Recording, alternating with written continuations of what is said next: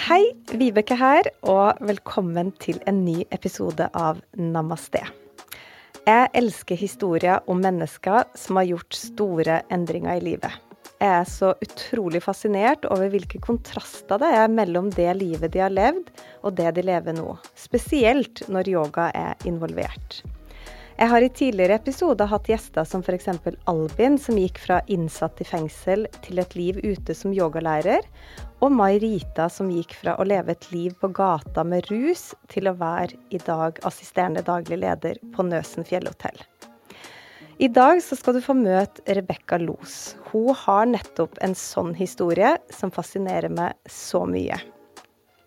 For meg så var hun tidligere bare et navn i internasjonal presse. Jeg husker store gossip-overskrifter knytta rundt David Beckham.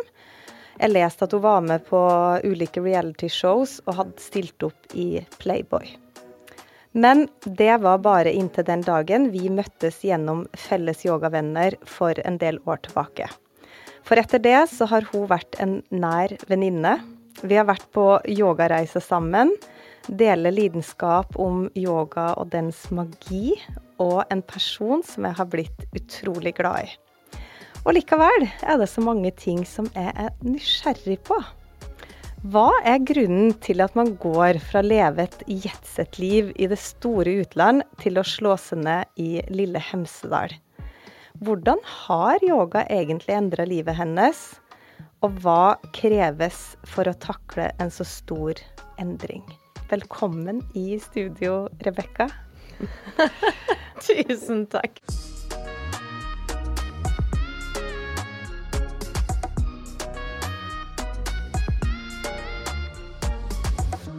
Vibeke, veldig, veldig hyggelig å være her.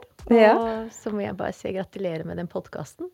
Den er helt fantastisk, og det er en ære å bli spurt og å bli med hit. Tusen takk. Og så er det jo veldig stas at du bestemte for å gjøre intervjuet på norsk. Ikke sant? Ja. Fordi ja. Eh, du har jo ikke bodd i Norge hele livet, du, og du snakker jo utrolig bra norsk. Så jeg vil egentlig starte med å berømme deg for at du bestemte for det. Tusen takk. Jeg har mm. vært her. Det var veldig viktig når jeg flyttet hit, å lære meg språket. Fordi eh, det er viktig å føle en del av samfunnet og kunne forstå ting. Og jeg husker de første årene når jeg ikke kunne norsk, og mannen min hadde venner på besøk, og de hadde det så gøy, og de lo, og jeg skjønte ingenting, vet du. Så jeg bare OK, jeg må lære meg språket. Men du, la oss starte med hvordan i all verden havna du egentlig i Norge? ikke så Norge var helt ærlig, når jeg bodde i London i min tidligere liv, sto ikke på lista av stedene jeg skulle besøke. Altså ikke i nærheten. Jeg eh, var veldig glad i Asia, Australia. Var mye i Los Angeles, New York. Frankrike, Italia. Det var så mange andre steder som kom på lista før Norge. Så grunnen at jeg havnet i Norge i 2008, er at jeg ble spurt om å bli med på et realityshow som heter 71 grader nord. Og ikke den norske 71 grader nord, men 71 grader nord var faktisk den største TV-program i Nederland. Ja. ja. Så det var en blanding av nederlandske og belgiske kjendiser som kom til Norge hvert år for å delta i en treukershow. Og da brukte de mye av norske crewet ikke sant, fra det norske showet. Mm -hmm. Så jeg ble spurt om å bli med. Jeg nesten takka nei, faktisk. Fordi um, jeg følte at jeg hadde gjort så mange realityshows. Rett og slett. Ja, jeg har googla det, ja, og jeg ble jo jeg, Det her visste jeg ikke, men du har jo vært med i Temptation Island, The ja. Farm Altså ja. veldig mange store produksjoner. Veldig. Og vet du hva? Når du er ung i 20-årene og blir betalt masse penger for å fly første klasse til Fiji til å bo på en øy med elleve andre kjendiser i en sånn femstjerners Hilton-greie. Det er kjempegøy som, å gjøre, oppleve. Jeg, var, eh, jeg har vært med i den første Love Island, som er kjempestort nå i England. Og så når vi var med, så det er ikke sammenlignet med hva som skjer nå. Vi var veldig, veldig uskyldige sammenlignet med, med det som skjer nå. Jeg må bare si det. Um, og så var jeg finalist i spanske Survivor, Supervivientes. Det var fantastisk. Da wow. var vi på et øy i Honduras med ingenting. Ikke noe telt, ingenting, bare klar. Vi måtte hoppe ut av en helikopter og svømme til øya. Og så kom jeg til finalen, og da bodde jeg der i tre måneder. Wow. Jeg hadde gått ned tolv kilo. Det var nesten ingenting. Jeg var bein og hud når jeg kom av den showet der. Det var en fantastisk opplevelse. Ikke det å være bein og hud, men, men det var en fantastisk opplevelse å bo på en øy i tre måneder i Honduras. Så jeg var litt forskjellig. Uh, så på Temptation Island så var jeg ikke deltaker. Der ble jeg fløyet inn som temptress. Jeg måtte velge en av gutta for å ta med på en date. Litt sånn for å fornærme jentene, da. Så det var litt sånn Det var ganske Det var i Thailand. Anyway. Ja. Um, så da kom den invitasjonen da om å bli med på 71 grader nord i Norge. Og så tenkte jeg uff, nei, jeg har gjort så mange shower. Men så ble jeg litt nysgjerrig på det med å bo på telt og være ute i naturen. For det er noe jeg elsket med finalist på Survivor. Det var så mye ute i naturen. Så jeg takket ja. Så det er derfor jeg kom til Norge første gangen. Ever catch yourself eating the same flavorless dinner three days in a row? Dreaming of something better? Well, HelloFresh is your guilt-free dream come true, baby. It's me, Gigi Palmer.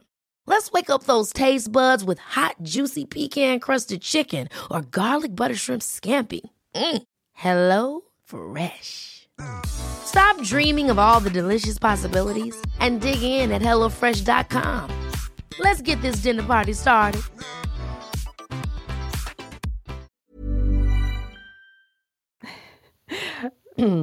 Men var det da at du ble så fascinert av naturen og alt det du kunne gjøre i Norge, eller hva, hva var det som gjorde til at du ble her? så um, jeg ble veldig fascinert av naturen. Jeg husker veldig godt den følelsen å våkne opp etter å ha sovet i et telt ute i naturen. Våkne opp på fjellet, frisk luft, utsikt, stillhet. Det var magisk. Det var bare wow! Ikke sant? Jeg bodde i London. Hektisk liv. Ja, nei, det var en veldig, veldig fin opplevelse. Jeg måtte også hoppe ut av en helikopter i det showet i begynnelse. Uh, I Honduras så hoppet vi flere ganger ut av en helikopter i sjøen, og da er det godt og varmt, og du har på bikini, null stress. Men i Norge så måtte jeg hoppe ut i et kald innsjø. Det hadde jeg ikke lyst til. Men uh, kort tid før så hadde jeg møtt legen som var på showet. Ok. han var veldig kjekk. Og jeg likte han. Og så tenkte jeg OK, han uh, hotte legen ser på meg, så da må jeg jammen hoppe ut. Jeg skal ikke være den ene som ikke blir med. Så det ble litt sånn ja, presset. Så det gikk bra. Og hva skjedde så? Hvordan kom du uh, i ja, jeg, jeg, skal, kan, jeg, skal, fortelle hvordan jeg møtte ham først, faktisk. Ja. Før vi dro ut og hoppet inn i helikopter, så ble um, vi kjendiser da um, satt i et rom.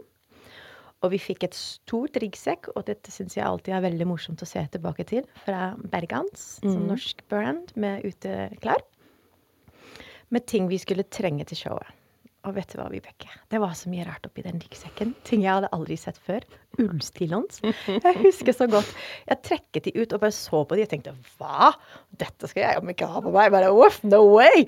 Så, altså, en dunjakke, oh my god. Altså, det var mye sånn kaste ting til siden, for det var ting jeg hadde aldri brukt før. Ikke jeg visste om at de fantes. sånn sjuke ullsokker og ting som akkurat nå jeg ikke klarer å leve uten. ja, ikke sant. Jeg tenker sånn Jeg håper ja. noen sa til deg at det her må du ha med, for det her ja. kommer du til å trenge. Ikke sant. Men det er så interessant å, hvor annerledes vintrene og kaldt vær var i Spania og England sammenlignet med her, hvor norske, skandinaviske mennesker vet virkelig hvordan de skal forberede seg for kaldt vær og vinter. Mm. Så jeg holdt på å ta ut ting av ryggsekken, og så kommer det inn en lege. Uh, det bare kom inn en mann, og høy, brede skuldrene, blå øyne. Og bare sto der og så på oss og sa hei. Jeg er legen deres, så er det noen medikamenter å ta, noe dere må ta, så bare kom og prat med meg. Og så jeg husker jeg bare så på han og bare Pusten bare ble borte. Jeg bare wow.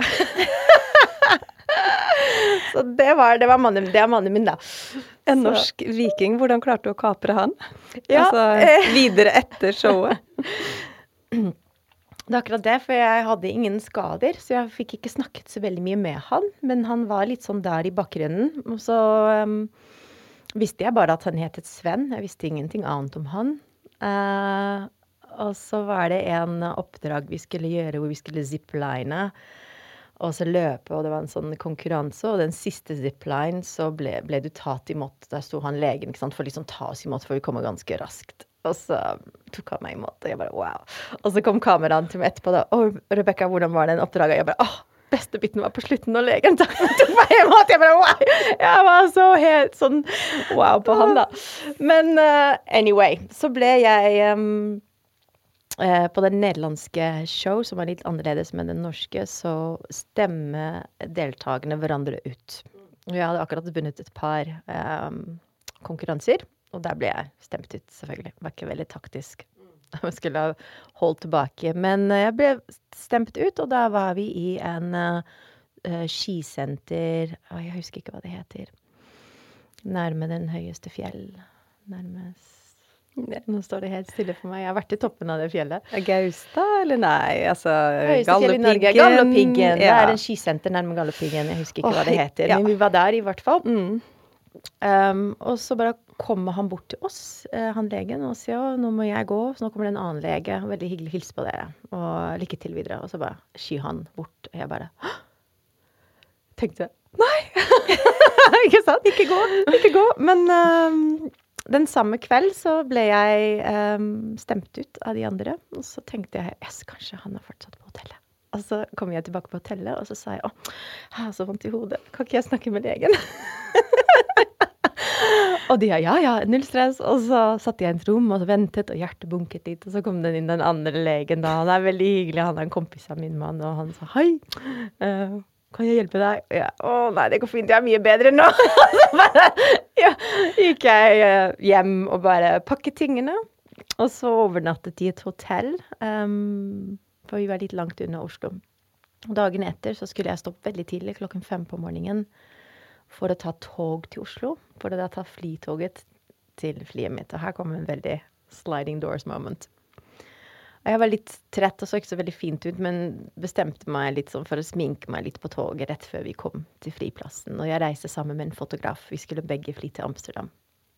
Så sjekker vi inn, og så sier han til meg, og dette er klokken ni på morgenen jeg skal gå ut og ta en røyk, blir du med? Så sier jeg.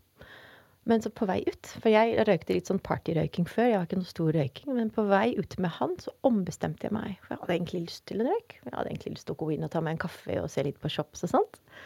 Så jeg ombestemte meg og sa vet du hva, vi møtes på flyet, jeg skal gå inn og se litt på butikken og sånt. Og så snur jeg, og så går jeg til um, Security Q, hva heter det? Ja, det det. Security? Ja. Og så Hvem er det som står rett foran meg og driver og pakker ut ting av sekken sin for å gå gjennom skanningmaskinen? Dr. Sven. og jeg bare Sven! Og jeg sa det veldig høyt, så jeg ble litt flau, så jeg ble litt sånn rød i kinnet. Og han bare snudde og hei. Og så så han på meg og så ville du ha en kaffe. Og jeg bare ja! og, og så tok vi en kaffe, og ja. Og det er der det skjedde, da. Ja. Yeah. The rest is history, kind of. The rest is history, altså, ja. Kind of, på en måte. Ja. ja.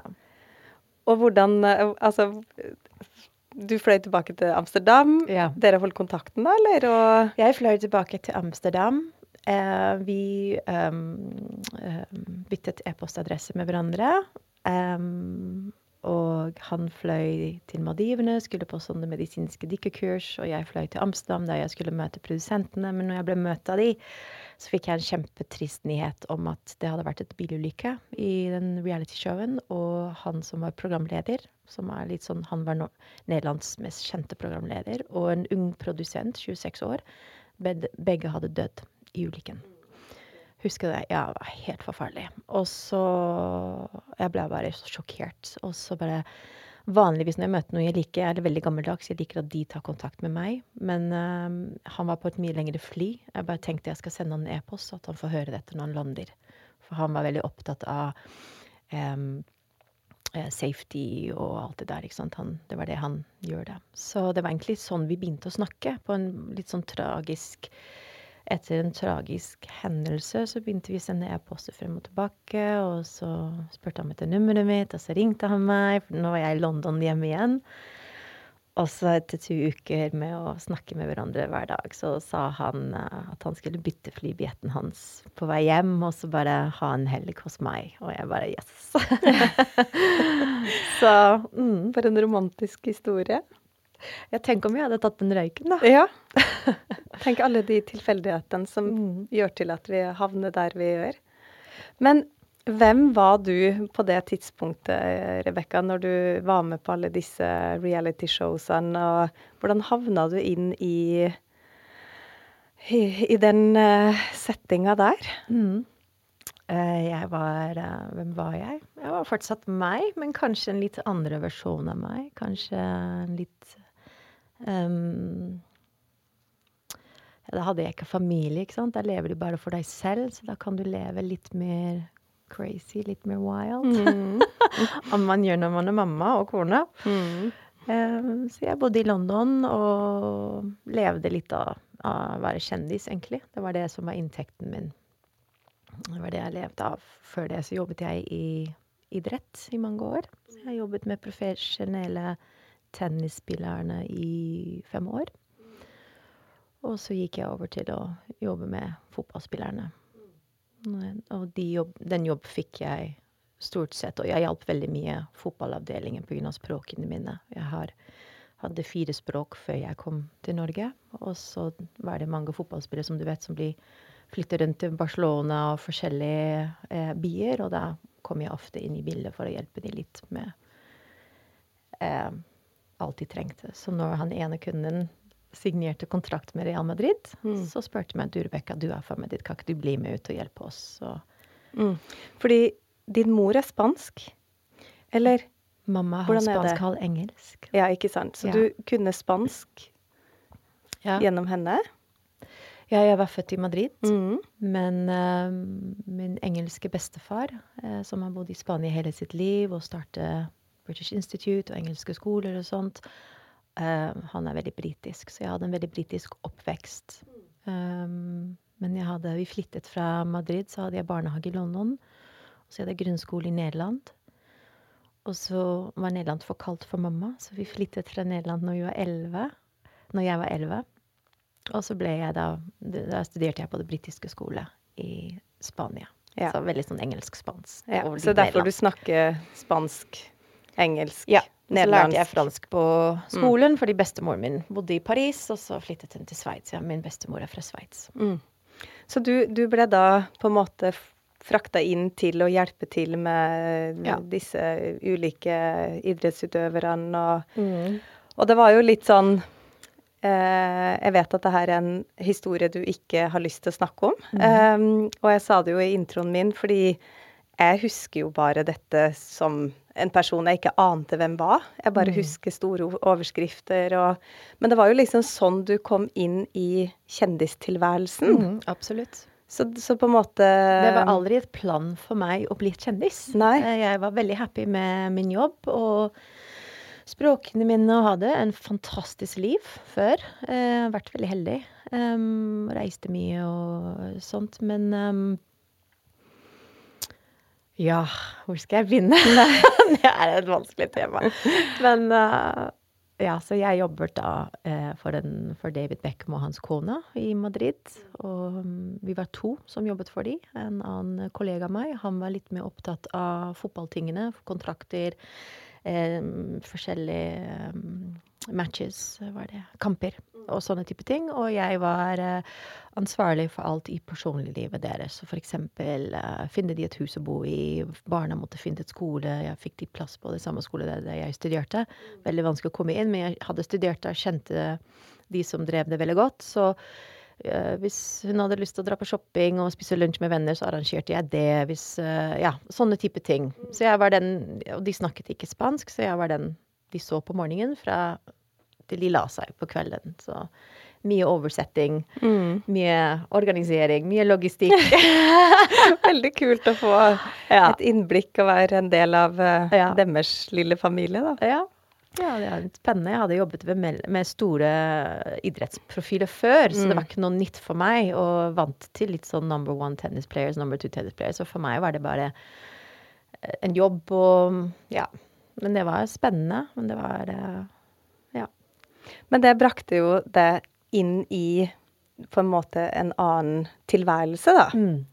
Um, og hva skjedde egentlig da? Fordi det var jo da du plutselig ble stor kjendis. Du fikk alle disse tilbudene om å være med i realityshow. Um, og vi har jo snakka om Ikke sant, du var med, eller stilte opp i Playboy. Og jeg eh, kan jo nevne, og det her er jo um, det er jo heller ikke noe jeg snakker mye om, men det er et enkelt Google-søk, fordi i Norge så hadde vi jo Mann. Ja. Ikke sant? Og det var litt sånn På et tidspunkt så var det jo ganske stas. Så er det mannlig blad, litt sånn Ja, det er litt Playboy, Ja, altså ikke ja. Playboy Eh, helt, da. FHM, Men kanskje? Men ja, ish. Og det var jo FHM her i Norge òg, men det var ikke Ja. så classy. Mannen var liksom Å, ja. kult. Å, det må jeg google det etterpå. Å, nå skal alle sitte på Google. men, men bare for å dra en eh, parallell, da. Eh, men eh, Og du stilte opp i Playboy, ikke sant. Det, Mm. det virker jo veldig skummelt for min del, da, men, men Jeg har alltid liksom, vært stort fan av Playboy. Hva Så sa du? Jeg har alltid vært stort fan av Playboy, Ja. faktisk. Um, så når de spurte meg, var jeg bare sånn wow, yes, selvfølgelig. og mange av mine idoler det har vært i Playboy, Madonna og ja, lang liste. Så nei, det var et ære å være med i Playboy. Ja, det er jo veldig kul erfaring. Ja. liksom Men det se skjønner at det er veldig til. forskjellig, og veldig mange er ganske syns ikke det nå. ikke sant? Sånn er det, det er greit. Sånn er det i livet. Mm. Men for meg personlig så syns jeg det var stas å være covergirl for Playboy. Mm. Og det her Nå har vi jo liksom satt et veldig sånn bilde på hvem du var på den Mm. tida, da. Og det er jo, det er jo For meg så høres det ut som et sånn fantastisk jetset-liv. Så det er Mm. jo liksom den kontrasten til å da komme til Ikke sant, du møter Sven Christian by coincidence. Yeah. Um, og, og dere flyttet til Oslo etter hvert. Eller Ja. du flyttet til Oslo. Og Ja. så havner dere i lille Hemsedal. ja. Altså, fortell. Ja, jeg ble gravid mens jeg bodde i London, og det var eh, Det kom ganske tidlig. Det var ikke planlagt, og det var litt sånn eh, sjokk. Men eh, eh, Hvor gammel var jeg når jeg ble gravid? Jeg vet ikke, jeg var 30. Um, og så første tanken var at jeg ikke skulle ha barna, fordi faren bodde i Norge, og jeg kjente han knapt. Men um, hadde litt tid på meg til å tenke, og det var ikke noe grunn å stakkars ikke ha barna, ikke sant. Så eh, måtte jeg ringe han og ta den telefonen, og det var det verste telefonen, for jeg vet at han var veldig Han hadde ikke noe plan å gifte seg og ha barn. Heller ikke jeg. Jeg, skulle, jeg hadde aldri noe plan å gifte meg. Og jeg hadde lyst til å ha barn, men jeg ville veldig gjerne adoptere, ikke ha mine egne. Så dette var noe vi hadde begge ikke planlagt. Og så ringte jeg til han og sa at um, Ja, kort historie Jeg lager en lang historie kort. Men så sa han at han var med på det. Han, er, han skal stå ved siden av meg. Dette gjør vi sammen. Men han har bare én betingelse, og det er at det er ikke så lett for han å flytte til London. Så da sa jeg men det er greit, jeg kan prøve Norge. Og så tenkte jeg jeg kan alltid dra dit. Fungerer det ikke? London kommer alltid til å være der. Jeg kan alltid komme tilbake. Så um, det var veldig sjokk for mine venner og familie. De syntes jeg var helt crazy. Hva gjør du? Gi opp livet ditt, karrieren ditt, alt fra Boiden. Hva er det i Norge? Men uh, det var beste beslutning jeg har tatt. Men det, når du blir gravid, så endrer alt, ikke sant? Hvordan du tenker. Og det var steinklart for meg at jeg skulle gjøre det som var best for babyen. Og det var at å gi henne en sjanse med pappaen og et liv i Norge. Det var litt sånn, sånn jeg tenkte. Så der havner vi i Hemsedal, fordi han er fjellmann. Og, og han var jo lege der. Men eh, hvordan opplevde du da å skulle slå det til ro i lille Hemsedal? Jeg er jo fra Oppdal, som er litt Mhm. sånn tilsvarende bygd. Um, og vet jo hvordan det er å bo på et så lite sted. Du Mm. kom fra London, jetset-liv, og plutselig eh, der i lille Hemsedal. Hvordan opplevde du det? Du, eh, det var helt fantastisk. Mm. Vet du hva? Det var uh, Hemsedal er et fantastisk sted. Veldig hyggelige mennesker som bor der. Jeg ble varmt tatt imot av venner og innbyggere som jeg ble kjent med. Eh, jeg gikk fra å våkne opp i London med paparazzi utenfor døra mi til jeg måtte ta på solbriller fordi jeg visste de kommer til å fotografere meg og følge meg hvis jeg går på tur med hønene, til å våkne opp til ingen utenfor døra og stillhet og åpen og fjell og frisk luft og jeg tror jeg fikk den samme wow-følelse som jeg fikk når jeg kom ut av teltet den første gangen etter første natt på telt i 71 grader nord. Det var Jeg tror det var Nei, jeg opplevde det som virkelig fint. Det var hjertelig velkommen for meg å, å være der. Ja. Men um, Altså, du er jo tydeligvis et veldig åpent menneske. Altså veldig Litt for åpent? Nei, men har du alltid vært altså eh, veldig tilpasningsdyktig, da. Du, kom, mm. du, kommer fra, som jeg sier, den store kontrasten og slår mm. det ned i Ikke i liksom Oslo, som er storby, men, men i Hemsedal. Mm. Og du, du, på en måte den Alt det treffer det. Mm. Men husk, jeg har flyttet mye rundt som barn, mm. så jeg um føler at mitt hjem er det, det, det, det, tilhører ikke et sted. Men det tilhører de jeg er med. Um, og jeg var skikkelig forelska uh, og hadde en liten baby på vei. Og plutselig var jeg i en nydelig sted som heter Hemsedal, og hadde lært å gå på langrenn og lærte nye ting og, og fire bål ute. Og det var, det var så mye nytt og spennende. Um, så Og alltid vært lært i naturen som når jeg var yngre, når jeg bodde i Nederland. Pappaen min er jo halv Swiss German, halv Sveits, så veldig glad i fjellet. Og vi tok ofte helger på Luxembourg og dro på fjelltur, og vi var ofte på fjelltur i Spania, og så Kanskje, kanskje Hemsedal tok meg tilbake litt til ja, gode minner fra barndommen. Mm. Kan hende. Så når kom egentlig yoga inn i bildet? Mm. Um, jeg husker ikke akkurat første gang yoga kom inn i bildet, men jeg husker akkurat første gang ashtanga-yoga kom i bildet. For jeg hadde vært med på yogatimer på treningsstudioer i London. Og i 2004, når hele den store mediestorm skjedde, så fikk jeg tilbud av en nederlandsk TV-program om å være program, gjesteprogramleder hos de i to uker. Så bodde jeg i Amsterdam i to uker. Jeg hadde ikke så veldig bra. Det var en tøff tid. Det var så mange som skrev om meg i mediene. Og eh, skrev om meg på en måte som egentlig jeg ikke var sånn. Eh, og ja, hele det, det, året var litt tøft. Jeg følte at jeg hele tiden måtte um, Hva er ordet? Renvaske kanskje meg selv, og navnet og det folk sier om meg.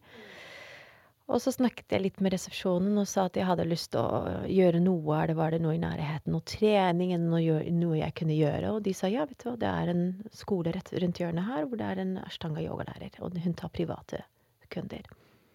Så hadde jeg aldri hørt om ashtanga yoga, så jeg tenkte OK, prøver det. Så jeg tok kontakt, og så dro jeg til henne. Jeg tror annenhver dag jeg var der i to uker alene i hennes studio, og hun fortalte meg at denne yoga kommer til å endre på kroppen din, og du kommer til å forlenge tærne dine. Og jeg bare tenkte wow, what is this? jeg hadde ganske store føtter allerede. Jeg vet ikke om jeg hadde lyst til å få de enda større. men, eh, men, eh, så det var mitt første gang. Og så husker jeg ikke navnet hennes. Og jeg har gått tilbake i mine diaries og prøvd å finne fram, for jeg vil gjerne takke henne for å ha plantert den frø. Ja. Men, så det var første gang med ashtanga. Men så etter de to ukene flyttet jeg tilbake til London. Og så var det ikke ashtanga nærme der jeg var, så da ble det pilates og løping og trening og ja, typiske ting som vi gjør det før. Så du hadde, du hadde faktisk da prøvd yoga før du kom til Norge? Ja, mm, ja absolutt. Det visste jeg ikke. Ja. ja det hadde jeg. Og øh, når jeg kom til Norge gravid, så da øh, fikk jeg et barn til etterpå par, par, år etter. Og når jeg var gravid med barn nummer to, så begynte jeg å lenge, lenge lenger tilbake til yoga. Og mens jeg var gravid, um, satt jeg på YouTube og så på Laruga. ja. om og om igjen. Jeg bare syns hun er helt fantastisk. Og hun ble litt sånn min stor inspirasjon. Dette er i 2012. La- Laruga Glazer, Laruga for Glaser. folk som um, Ja. kanskje ikke kjenner til henne, er jo en av de ja, største og mest kjente ashtanga-profilene i verden i dag. Eh, og da må vi jo egentlig si Vi må jo egentlig takke Laruga og David, for det var jo de to som kobla oss to sammen. Stemmer. Og det er jo litt morsomt eh, bare når vi er inne på det, fordi mm. eh, jeg har jo vært ganske mye sammen med Laruga i Mysore gjennom mine opphold der, altså i India. Um, og du møtte de når du var i Goa, på en workshop med de. Stemmer. Og så var det David som sa at å, du bor i Norge, Mm. og sa at du må ta kontakt med Vibeke. Mm. Dere kommer til å like hverandre. Ja, stemmer. Og det er jo så morsomt, fordi det var på en måte sånn vi ble introdusert. Og Mm. han hadde jo veldig rett. Han hadde det. For det var litt sånn uh, love at first sight, Ja. husker jeg i hvert fall. um, men det var da takket være Laruga og Mm. David. Men, men, og ja, Laruga har jo en helt fantastisk praksis, Ja. og som du sier, man kan sitte timevis og bare se på. Og der satt jeg med stolmagen Ja. min og bare så på. Og så snart han var født og jeg var Eh, OK nok til å starte jobb, så meldte jeg meg på kurs på Puro. When you're ready to pop the question, the last thing you want to do is second guess the ring. At Bluenile.com, you can design a one of a kind ring with the ease and convenience of shopping online. Choose your diamond and setting. When you find the one, you'll get it delivered right to your door. Go to Bluenile.com and use promo code LISTEN to get $50 off your purchase of $500 or more. That's code LISTEN at Bluenile.com for $50 off your purchase. Bluenile.com code LISTEN. Since 2013, Bombas has donated over 100 million socks, underwear, and t shirts to those facing homelessness. If we counted those on air, this ad would last over 1,157 days. But if we counted the time it takes to make a donation possible, it would take just a few clicks. Because every time you make a purchase, Bombas donates an item to someone who needs it. Go to bombas.com slash ACAST and use code ACAST for 20% off your first purchase. That's bombas.com slash ACAST, code ACAST. Men, men, og da er bare sånn Jeg Bodde bodde- du da i, Ja. fremdeles i Oslo? Ja. Ja. Eh, vi flyttet fra Hemsedal fordi min mann ble spesialist i anestesi. Mm. Og da måtte vi være i byen. Så vi hadde noen år i Oslo. Mm. Og det er eh, Ja. Så mm, Og da gjorde du, begynte du på Ashanga-kurs. stemmer. Og det er jo Altså- der vi praktiserer sammen i dag også. Det er jo veldig er morsomt, morsomt å tenke på. Ja, veldig. Så, og jeg underviser der òg. Ja, Tenk på det. ikke sant? Eh, ja, så, men så flyttet vi tilbake til Hemsedal uh, når mm, han var ett år. Så der kom litt sånn hjemmepraksis inn i bildet. Det var ikke akkurat lett med to små barn. Gikk til noen yogatimer rundt omkring i Hemsedal. Og så um, ja. Men hva var det som skjedde med deg når du begynte å praktisere ashtanga? For det er jo liksom Det er da det, det på en måte Mm. den endringa skjer, da, i forhold til å finne yogaen. Hva, hva, kan du forklare litt hva den praksisen gjorde med deg? Ja, jeg tror for meg var det en um, Mitt første um, Det første jeg trodde med yoga, var det fysiske. Det var derfor yoga var fint for å tøye, for å være myk. Jeg tror det samme som de fleste, ikke sant. Og så begynte jeg å lære mer om pusten, og så begynte jeg å lære mer om filosofien, og så skjønte jeg at det var en helt verden bak disse asanas, bak disse stillinger, bak det fysiske. Eh, en Og jeg ble bare helt forelska i det. Eh, alt filosofien, alt Ja, alt som, som er i de åtte limbs av ashtanga-yoga. Hvordan sier du det på norsk? Det satt helt stille. Åtte grener. Åtte grener Ja, i mm. ashtanga-yoga. Um, og jeg tror en av de tingene som tilbrakte meg mest med eh, yoga, var etter å ha levd et liv i London hvor alt fokus er på utsiden. Og mye trening med personlig trener, mye fin kropp til Playboy, forskjellige shoots, mye fine klær, sminke, hår, bla, bla, bla. Plutselig var jeg i en verden hvor alt handlet om hvordan du holder deg inni deg. Og det var 99% av det som var viktigst. Og det bare elsket jeg. Og det trengte jeg så mye. Jeg trengte virkelig Ja. Jeg føler at jeg um, fant meg selv igjen.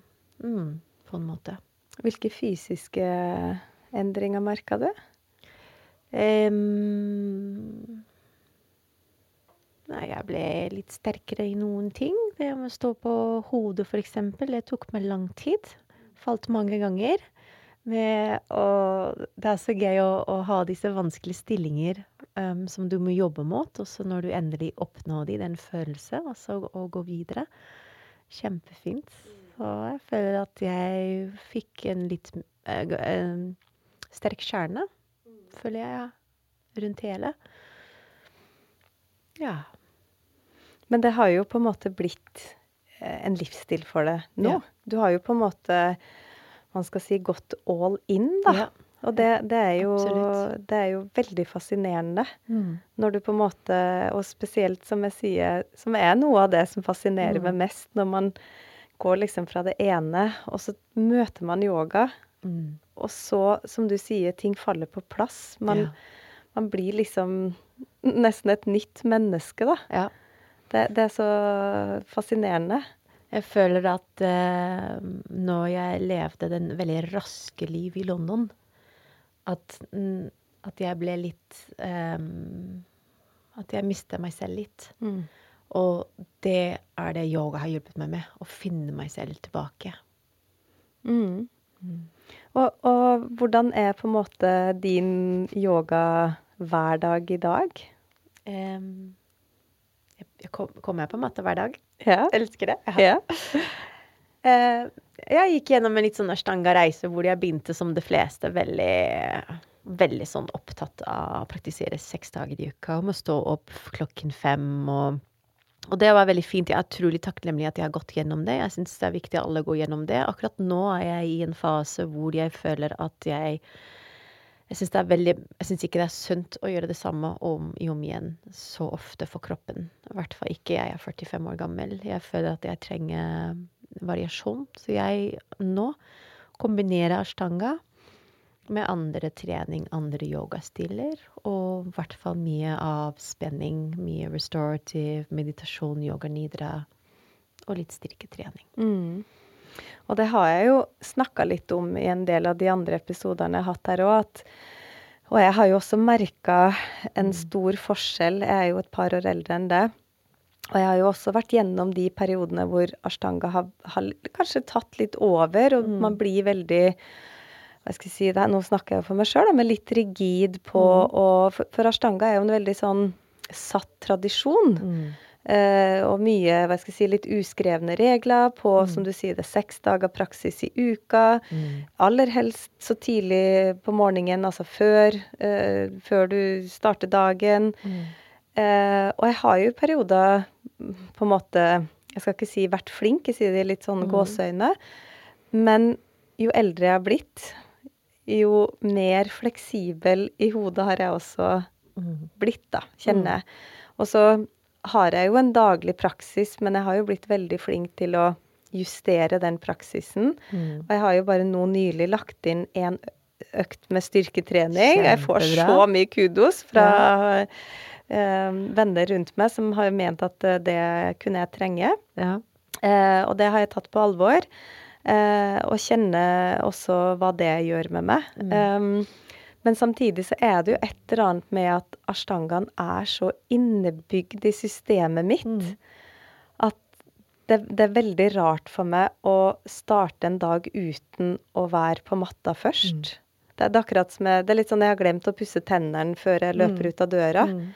Um, så det er jo en litt sånn jobb, det der med å Finne balansen. finne balansen. Eh, og det er jo litt sånn som har vært så viktig for meg, da, å finne balansen i livet mellom de ulike rollene vi har, og mellom det å være mor, og det å være partner, og det å ha en jobb, og det Du vet sånn um, Så jeg, jeg tror også at det er kjempeviktig å finne den balansegangen i eh, yogapraksisen, da. Ja. Og det har, jo, det har jo også fascinert meg litt, fordi altså, du, du gikk jo fra å da begynne å praktisere yoga, og så har du jo um, blitt yogalærer. Så du har jo Yogalærer i 2012. ja. Hva var det som gjorde at du bestemte for det? Jeg meldte meg på egentlig for å fordype meg mest i um, i ashtanga-yoga. Mest lære mest om filosofi. Og så begynte jeg å undervise gratis til hotellansattene i Hjemsdal. I et hotell, veldig fin hotell, Skogstad hotell i sentrum. Og så jeg ble helt forelska i å undervise. Og så syns jeg selvfølgelig at yoga var så bra for meg og for alle at jeg ville gjerne gi den verktøy videre til andre, så de kunne også følge de gode ettereffektene av yoga. Um, så ja, da bestemte jeg Da fant jeg en sånn wow, dette, dette vil jeg drive med. Mm. Hva, hva, hva betyr det for deg å få lov til å dele det her? Altså ikke få lov, men å, Mm. å, å kunne dele, da. Hva, hva gir det deg? Eh, Jeg føler at det er en ære, og jeg føler um, Hva gir det meg?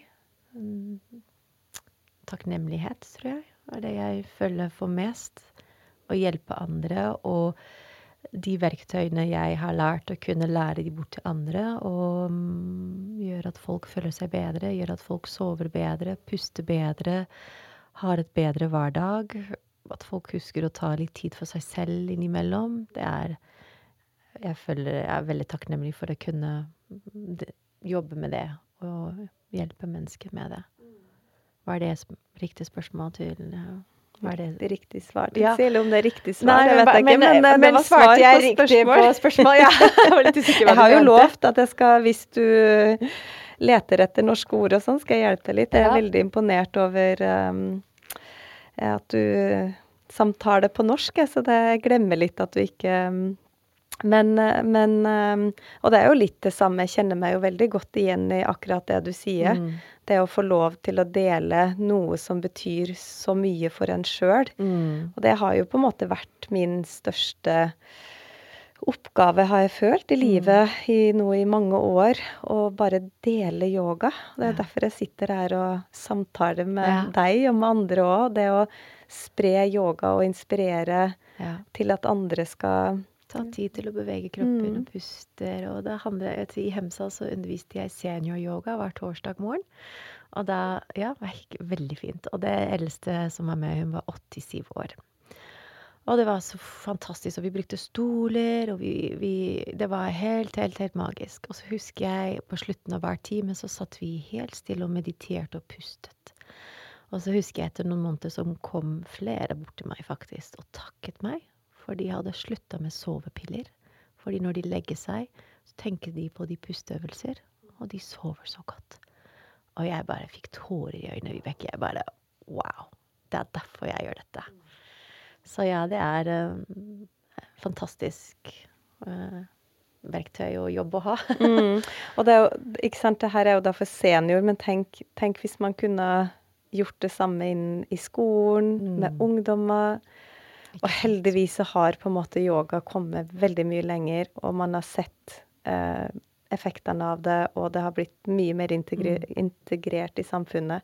Og det er jeg jo så takknemlig for. Mm, For det er som du sier, ikke sant, når man Ja. kan slutte med piller og ha verktøyene i seg sjøl, Yes. så er jo det Fordi livsstilen vårt er alt når det gjelder helse. De Mm. største sykdommene som rammer oss, er livsstilssykdommer. Så kan vi bare endre litt på hvordan vi lever, mm, holde oss aktive, mm, spise sunnere, puste bedre, så kan mye endre seg. Og trenger ikke medikamenter, og i hvert fall kan trappe ned.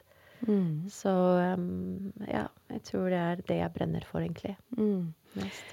Men hvordan har, har du så Altså Vi alle møter jo utfordrende tider i, i livet. Mm. Em, og hvordan har yoga hjulpet deg i eh, utfordrende tider? Eller Mm. perioder eller ting du har møtt underveis? Det er bra spørsmål. Eh, jeg tror før jeg kom til Norge, når jeg hadde tøffe perioder, så kunne du veldig fort føle deg eh, at det var ingen vei ut. Eh, at det var litt sånn der det var, ikke sant. Men etter jeg kom til Norge etter jeg har lært om yoga, undervist om yoga. Jeg tror Og det speiler litt praksisen, fordi i praksisen møter vi mange eh, utfordrende stillinger.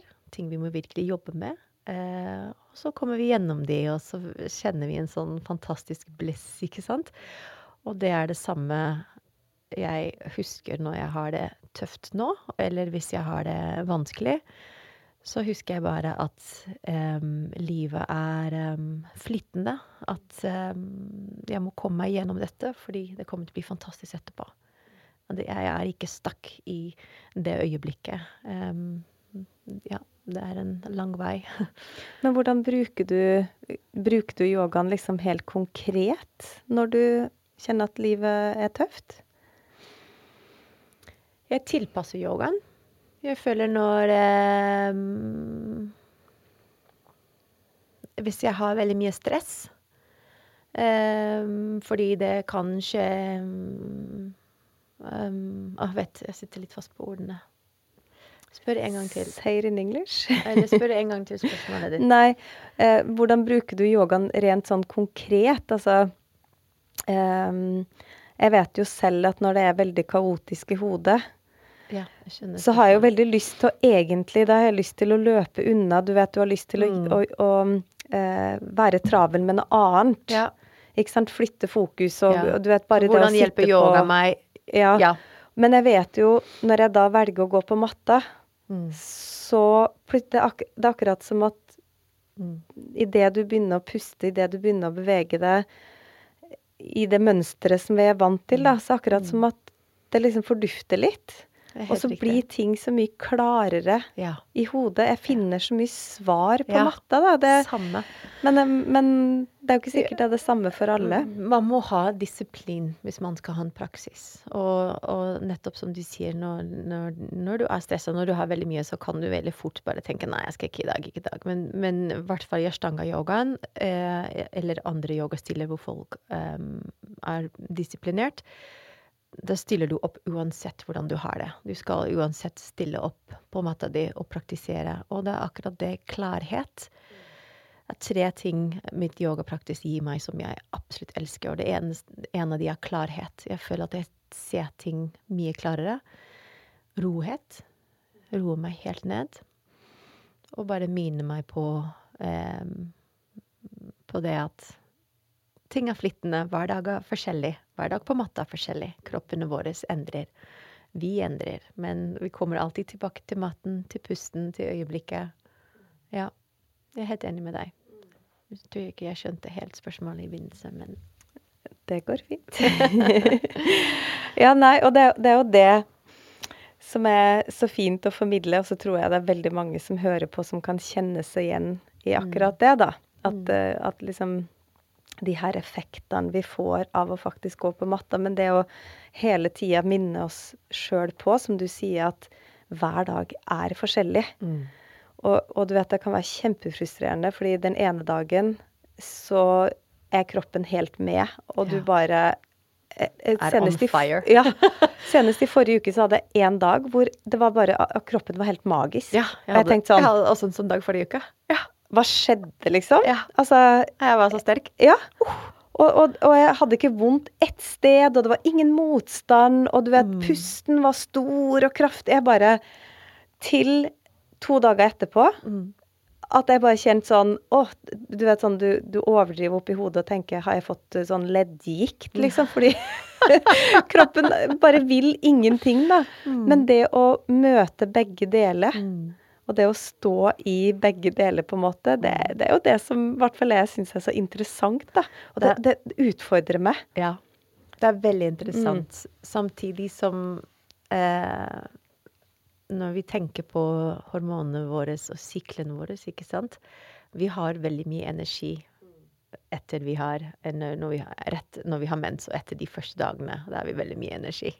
Og vi har veldig lite energi rett før menstruasjonen.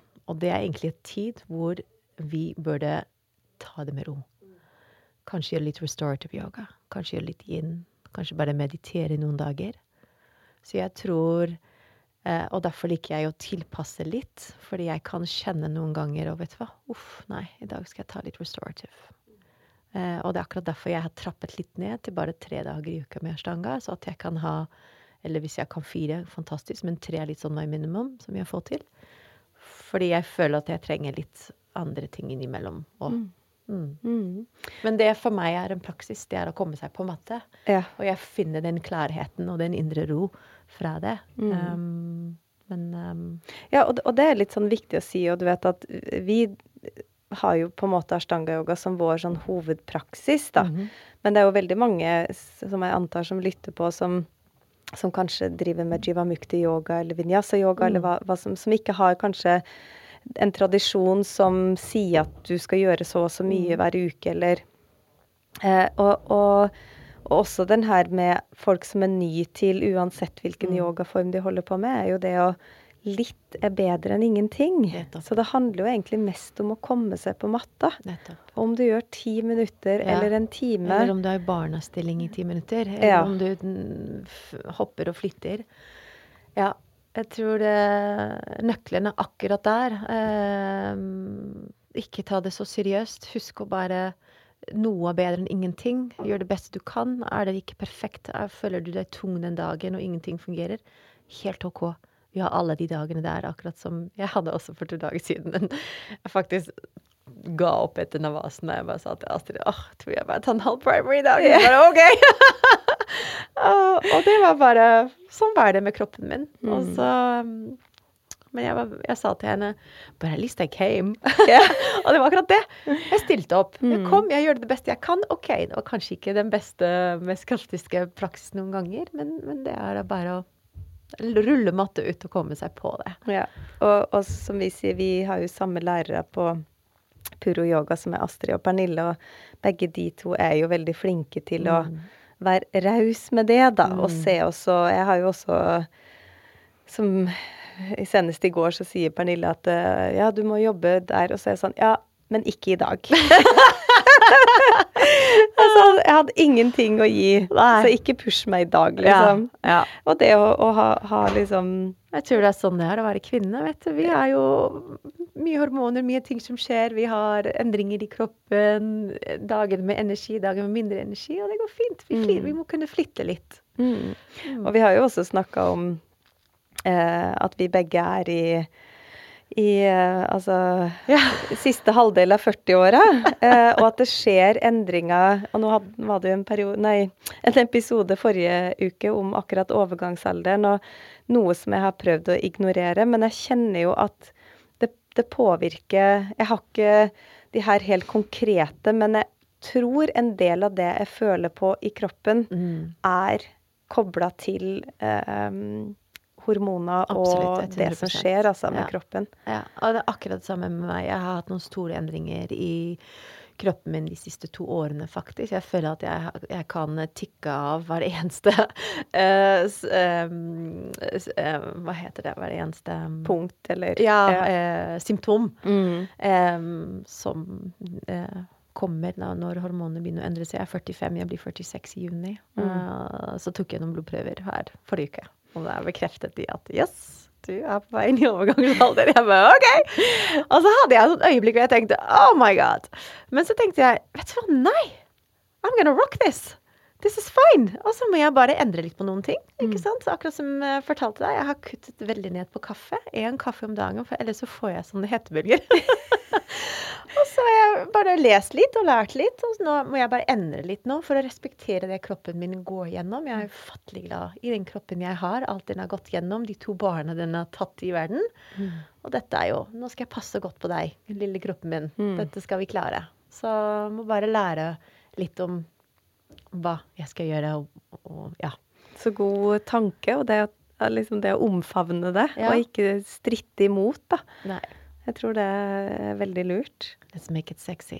Overgangsalder. Hvis du klarer det, da skal jeg henge meg på.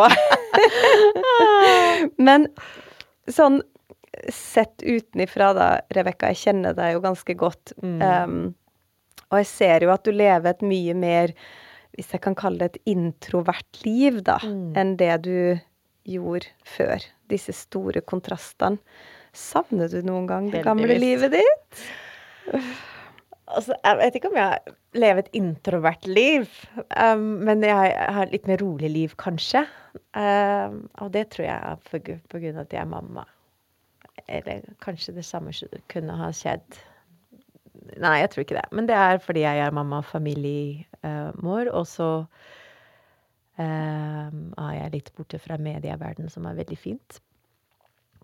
Så litt mer rolig, og så har vi eh, sosiale medier, ikke sant. Nå kan jeg selv bestemme hva jeg putter ut. Jeg må ikke leve gjennom ordene til journalister som skriver om meg. Så eh, jeg føler meg veldig rolig og eh, fortsatt eh, putter mye ut der, men kan velge selv når og hva, og det er kjempedeilig. Eh, så det er kanskje den store forskjellen med, med livet før. Om jeg savner noe fra mitt liv før? Nei. Jeg savner London. For London er et fantastisk by. Jeg elsker å reise tilbake, men det er Jeg ser det når jeg er der. Det er eh, et liv av mer. Eh, et raskt liv. Og jeg syns det er alltid utrolig deilig å komme hjem til Norge og være her. Så nei, jeg savner noen venner, selvfølgelig. Men nei, jeg savner ikke noe fra det gamle liv. Det var fint å ha opplevd det. Eh, takk til det livet er jeg der jeg er i dag. Um, men nei, jeg hadde ikke endret på noen ting. Hvis du kunne, Ja. hva ville du ha sagt til den yngre versjonen av deg selv? Gjør mer yoga og lær deg å meditere. Finn den nærmeste Ashtanga yogastudio og bare hopp inn i det. Det var det jeg hadde ønsket. Tenk hvor annerledes livet mitt hadde vært hadde jeg oppdaget eh, magien av yoga ti år tidligere. Ja, tror du det hadde Ja, tatt det deg til jeg. et helt annet Det sted? tror jeg absolutt. Mm. Absolutt. Jeg tror eh, Ja. Uten tvil. Og ellers så har, hadde du sagt gjør det samme, skaff de samme erfaringene. Nei um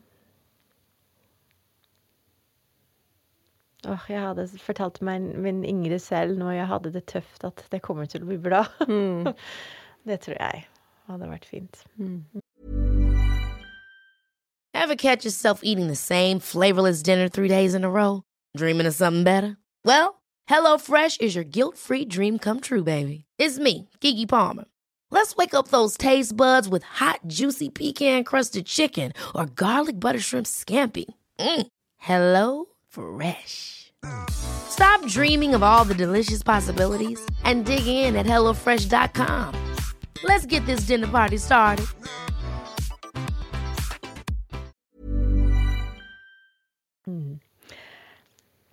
Avslutningsvis så pleier jeg alltid å spørre om eh, gjestene mine har et godt tips, eller et livsråd, eller noe de har lyst til å dele.